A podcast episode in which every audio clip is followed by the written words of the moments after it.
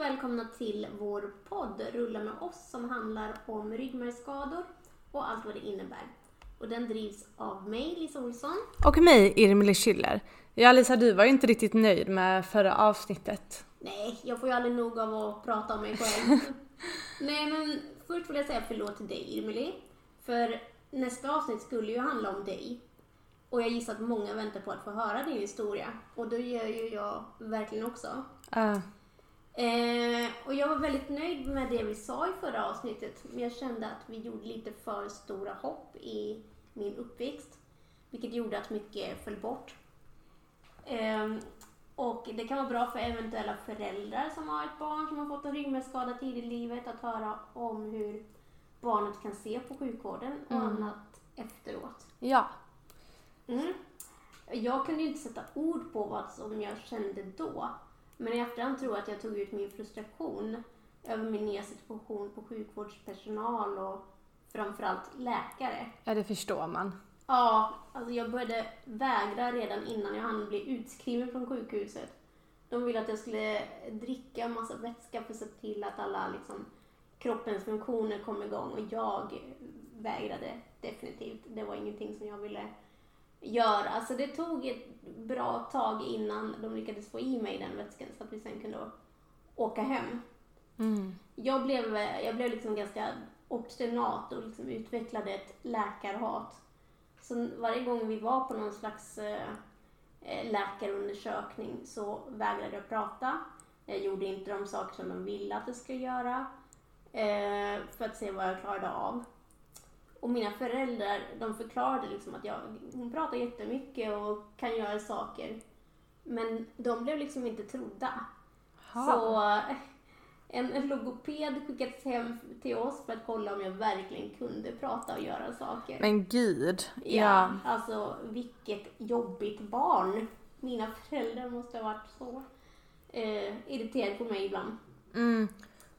Och det blev ju också lite motsatt effekt för det gjorde att vi fick åka på fler besök. För att de skulle se hur det låg till då med mig. Ah. Ja. Hur fan vad det låter jobbigt alltså. Jag tänker på dina för föräldrar främst. Mm.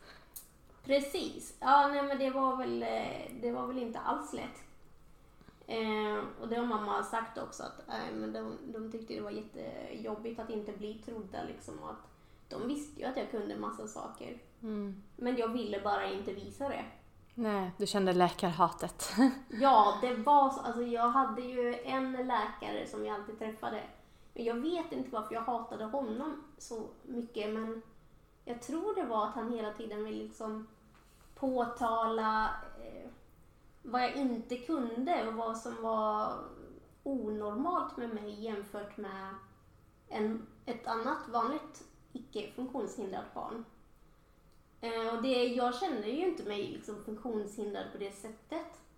Så att få höra sådana saker tyckte jag bara var jobbigt. Ja, det förstår jag. Kränkande. Ja, jag ville bara låta, att de skulle låta mig vara. Mm. Så att jag slapp eh, åka och göra de här meningslösa besöken. Mm. Men sen så lärde jag mig faktiskt att eh, gå ett mm. tag efter min eh, operation. Wow Lisa, det får ju du verkligen berätta om. Hur gick ja, det? Ja, alltså jag eh, minns att jag gick liksom, jag kunde gå genom att stötta mig mot väggar och sådana saker. Mm. Sen var jag och mina syskon hos mormor och morfar och helt plötsligt så kunde jag liksom släppa väggen och ta några steg Oj. utan att eh, utan att hålla mig. Var inte det en fantastisk känsla? Jo, alltså jag kände mig väldigt stolt och det var ju det var jättestort för mig. Mm. Eh, och innan jag liksom eh, ens eh, lärde mig att gå genom att hålla mig i väggar och sånt så då fattade jag inte vad de gjorde med mig, om de liksom bara bar de mig överallt eller vad hände egentligen? Ja. Men det var ju en väldig frihet att kunna lära sig gå så att jag gick ju ändå ganska bra inomhus. Mm. Men du gick inte utomhus då eller? Nej, lite kortare sträckor. Men där fick jag en sån där gå, en gåstol kan man väl säga. Ja, jag har också haft det, ett sånt gåbord. Ja, men det här var mer att man kunde liksom sitta på den och så var det hjul Så att man kunde liksom sparka sig fram. Jaha. Ja, så det, det gjorde liksom att jag kunde få upp fart och det var den som gjorde att jag ändå kände mig ganska ja, delaktig. Mm. Och det funkade ju väldigt bra på landet där vi bodde. Att jag kunde ta mig omkring på gården som, Mm. som jag ville. Mm. Eh, men inomhus gick jag ändå ganska bra. Jag kunde gå upp för trappan hemma, för jag bodde på övervåningen. Så att, eh, ja, men det gjorde väl att jag kände mig ganska vanlig. Mm. Och när slutade du gå då liksom? Eh, jo, men det gjorde jag eh, sen eh, på gymnasiet. Eh, och det kom jag lite till. Mm. Först tänkte jag bara berätta det här liksom att, eh, eh, att jag var ganska självmedveten när jag var liten och ville inte se som annorlunda. Och jag hade liksom svårt att acceptera det här med att behöva använda rullstol när jag var ute när jag inte kunde använda min den här gåstolen då. Ehm, och den, den stod väldigt länge bara i ett förråd hemma. Och istället så åkte jag eh, sån här paraplysulky när vi var ute. Mm. För det kände jag att då, då var jag liksom mer som ett, ett vanligt barn som åkte en sulky. Även fast jag nu Mm. kan känna liksom att, men hallå, jag var ju jag var ganska gammal för att åka i en sulky. Mm. Men, eh, men jag tyckte att det kändes eh, ja, men skönare och kändes ja, mer normalt, vad nu normalt är. Ja. Eh, Men det var liksom en lång acceptansprocess för mig. Jag kan förstå att det måste vara svårare när man är liten också, tänker jag. Att, Ja, men det var så tydligt tecken på att jag stod ut, att jag inte var som andra. mm. Men, eh, men sen tyckte jag ändå... Jag, jag åkte på ett läger och eh, då eh, plockade de fram en rullstol åt mig som jag kunde ha när vi gjorde utflykter. Och då var det som att, ja men då, då ser jag ut som alla andra på, på lägret som hade rullstol. Så då började jag liksom känna att, ja men det här kanske inte är så dumt ändå. Mm. Så att eh, då kunde jag acceptera det. Sen fick jag en elstol att eh, ha hemma och även ha i skolan. Men där var det, då var det nästa steg i acceptansen. Ja. Att jag liksom tyckte nej men gud jag kan inte åka den här. Då ser jag ju ännu mer funktionsnedsatt ut än vad jag känner mig. Mm. Och jag vill inte ha den typen av blickar på mig. Nej. Så den, eh, den stod mest bara på skolgården utan att jag använde den. Mhm. Ja. Eh, och sen eh, började jag få skolios när jag gick, när jag var ungefär kanske 10 år. Ja, vad innebär det? Ja men det är att eh, eftersom musklerna inte orkar eh, hålla upp min kropp så blir min rygg sned. Och eh, det kallas skolios. När ryggraden kan bli som ett S till exempel. Och då ville de ju att jag skulle börja använda korsett. Oj. Och Ja. det var ju också nej, nej, nej. Men det kunde jag liksom inte komma ifrån utan jag fick komma, jag fick liksom eh, vara på Bräcke Östergård i Göteborg som är liksom något slags, jag tror det är någon slags rehabställe också fast lite mer lek och annat. Mhm. Och eh, där skulle jag då vänja mig vid den här korsetten.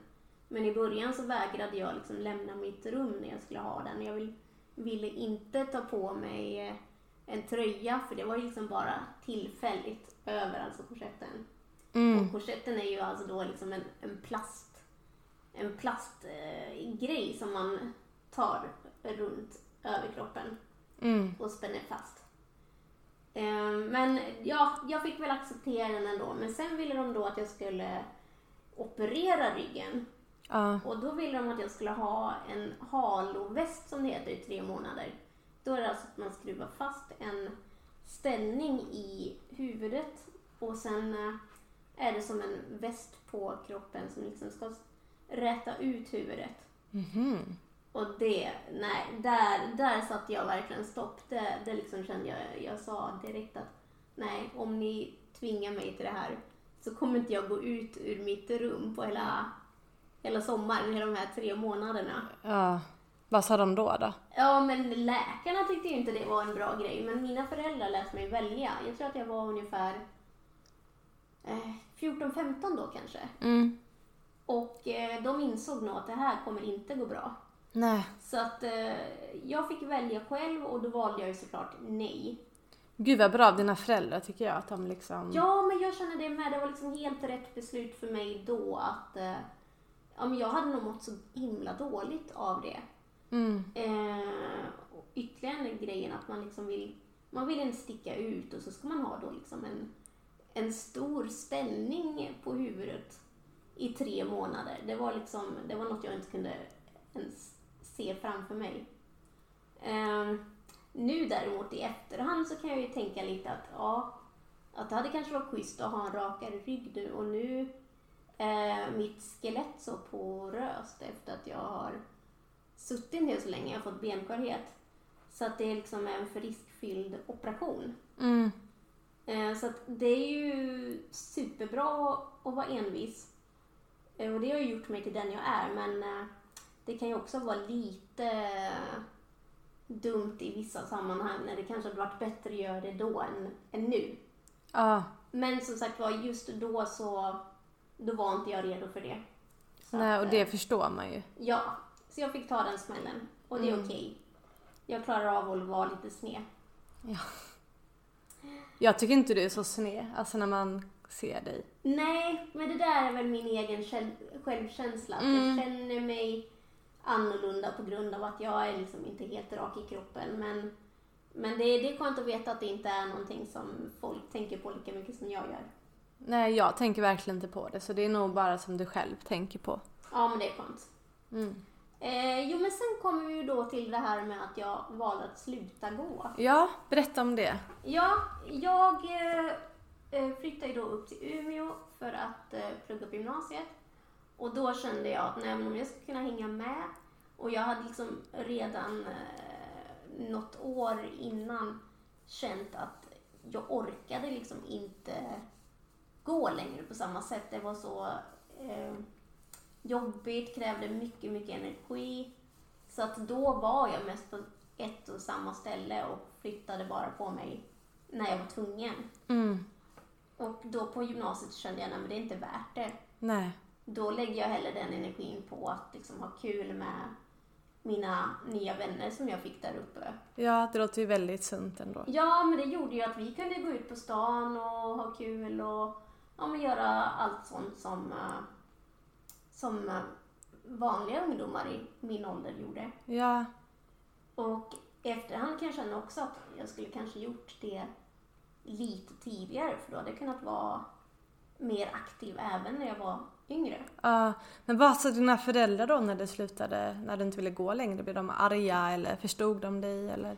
Nej, men jag tror de förstod mig. Det var liksom ingenting som eh, de sa någonting om. Men det var ju såklart en liten omställning.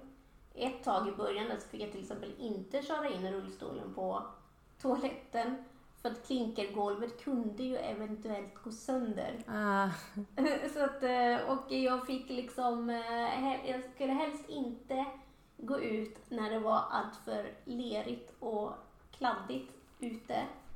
För då blev det ju smutsigt på golvet inne. ja, Och det är något som vi kan skratta åt nu. mm, Men jag fick ha några, några samtal med framförallt mamma om det här. Att nej men nu, nu är det så här, du kan liksom inte låta mig vara inne bara för att det blir lite smutsigt. ja, Då får vi liksom, då får vi ju torka upp och sopa efteråt, dammsuga och sånt. mm, Eh, så att det, det är helt accepterat nu för tiden. Och det, det är jätteskönt. mm, Så det, det löste sig till det bättre och de ser ju också att jag är så mycket friare nu. ja, mycket gladare. Ja, exakt. Precis. Eh, och sen så liksom ju äldre jag blev så slutade jag ju bry mig om eh, vad folk tyckte och tänkte om mig och jag släppte de här komplexen som jag hade för att eh, jag såg annorlunda ut och min högra axel är ganska eh, mycket mindre för att jag inte har några muskler i den. Och det var någonting som jag tyckte var superjobbigt ett tag. Att den såg så liksom, benig ut, enligt mig. Så att jag vill inte ha linnen och sådana saker. Men, men det där, det slutade jag bry mig om. Och det var ju också en sån skön sak att liksom, här är jag, ni får tycka vad ni vill. Mm, precis, det är så man måste tänka. Ja. Så att, eh, nej men jag har kommit långt sedan dess. Det här läkarhatet, det har försvunnit. Mm, Men jag är ju väldigt medveten om hur jag behandlas eh, när jag har några läkarbesök. Att de ska prata med mig, inte mina assistenter. Det är typiskt tycker jag. Ja. Att folk tänker, om jag till exempel går med en kompis och ska gå och handla någonting i en affär. Mm. Så kollar liksom personalen på min kompis som att Ja. jag inte kan. Man bara, men hallå? Nej, men precis. Det är ju liksom, det är jag som ska köpa någonting. Mm, Eller det är jag det handlar om, så varför ska ni prata med den andra personen? mm, Ta re, börja med att prata med mig för att se, är jag klar i huvud- huvudet? Ja, det är jag. det är det. Då är det liksom ingen, då finns det ingen anledning att prata med min assistent. Nej. Och ibland så frågar läkaren, men har ni några frågor? Och då säger jag alltid, nej men hallå det, det är mig det gäller. Ja. Det spelar ingen roll vad de har för frågor, då kan de ställa till mig i Mm. efterhand i så fall. Mm, Och jag sköter instruktioner till mina assistenter, så det behöver liksom inte ni fundera på. ja. Så det, jag har ganska många historier om eh, hur jag har blivit behandlad Mm. i, eh, i vården. Men det kan vi ta i ett senare avsnitt. Ja, det måste vi. Båda gå igenom Ja. Och berättelser om när man träffat andra människor som inte är inom vården. Ja, Till exempel när jag skulle gå ut en gång och dansa så Mm. vakten där var ju helt dum i huvudet. Men det Ja. pratar vi också om någon annan gång. det tar vi då. Mm. Men nu känner jag ändå att eh, jag har fått sagt det jag vill om mig. Mm. Nu är det slutpratat om mig och i nästa avsnitt då kommer äntligen din historia. Är du peppad på det? Ja, jag är peppad faktiskt. Ja, det ska det vara. Och eh, det ska bli så intressant att höra vad du har att säga. Mm. Mm. Men då eh, tackar vi för det här avsnittet och så får ni ha det så bra tills nästa. Så hörs vi. Hej då! Hej då!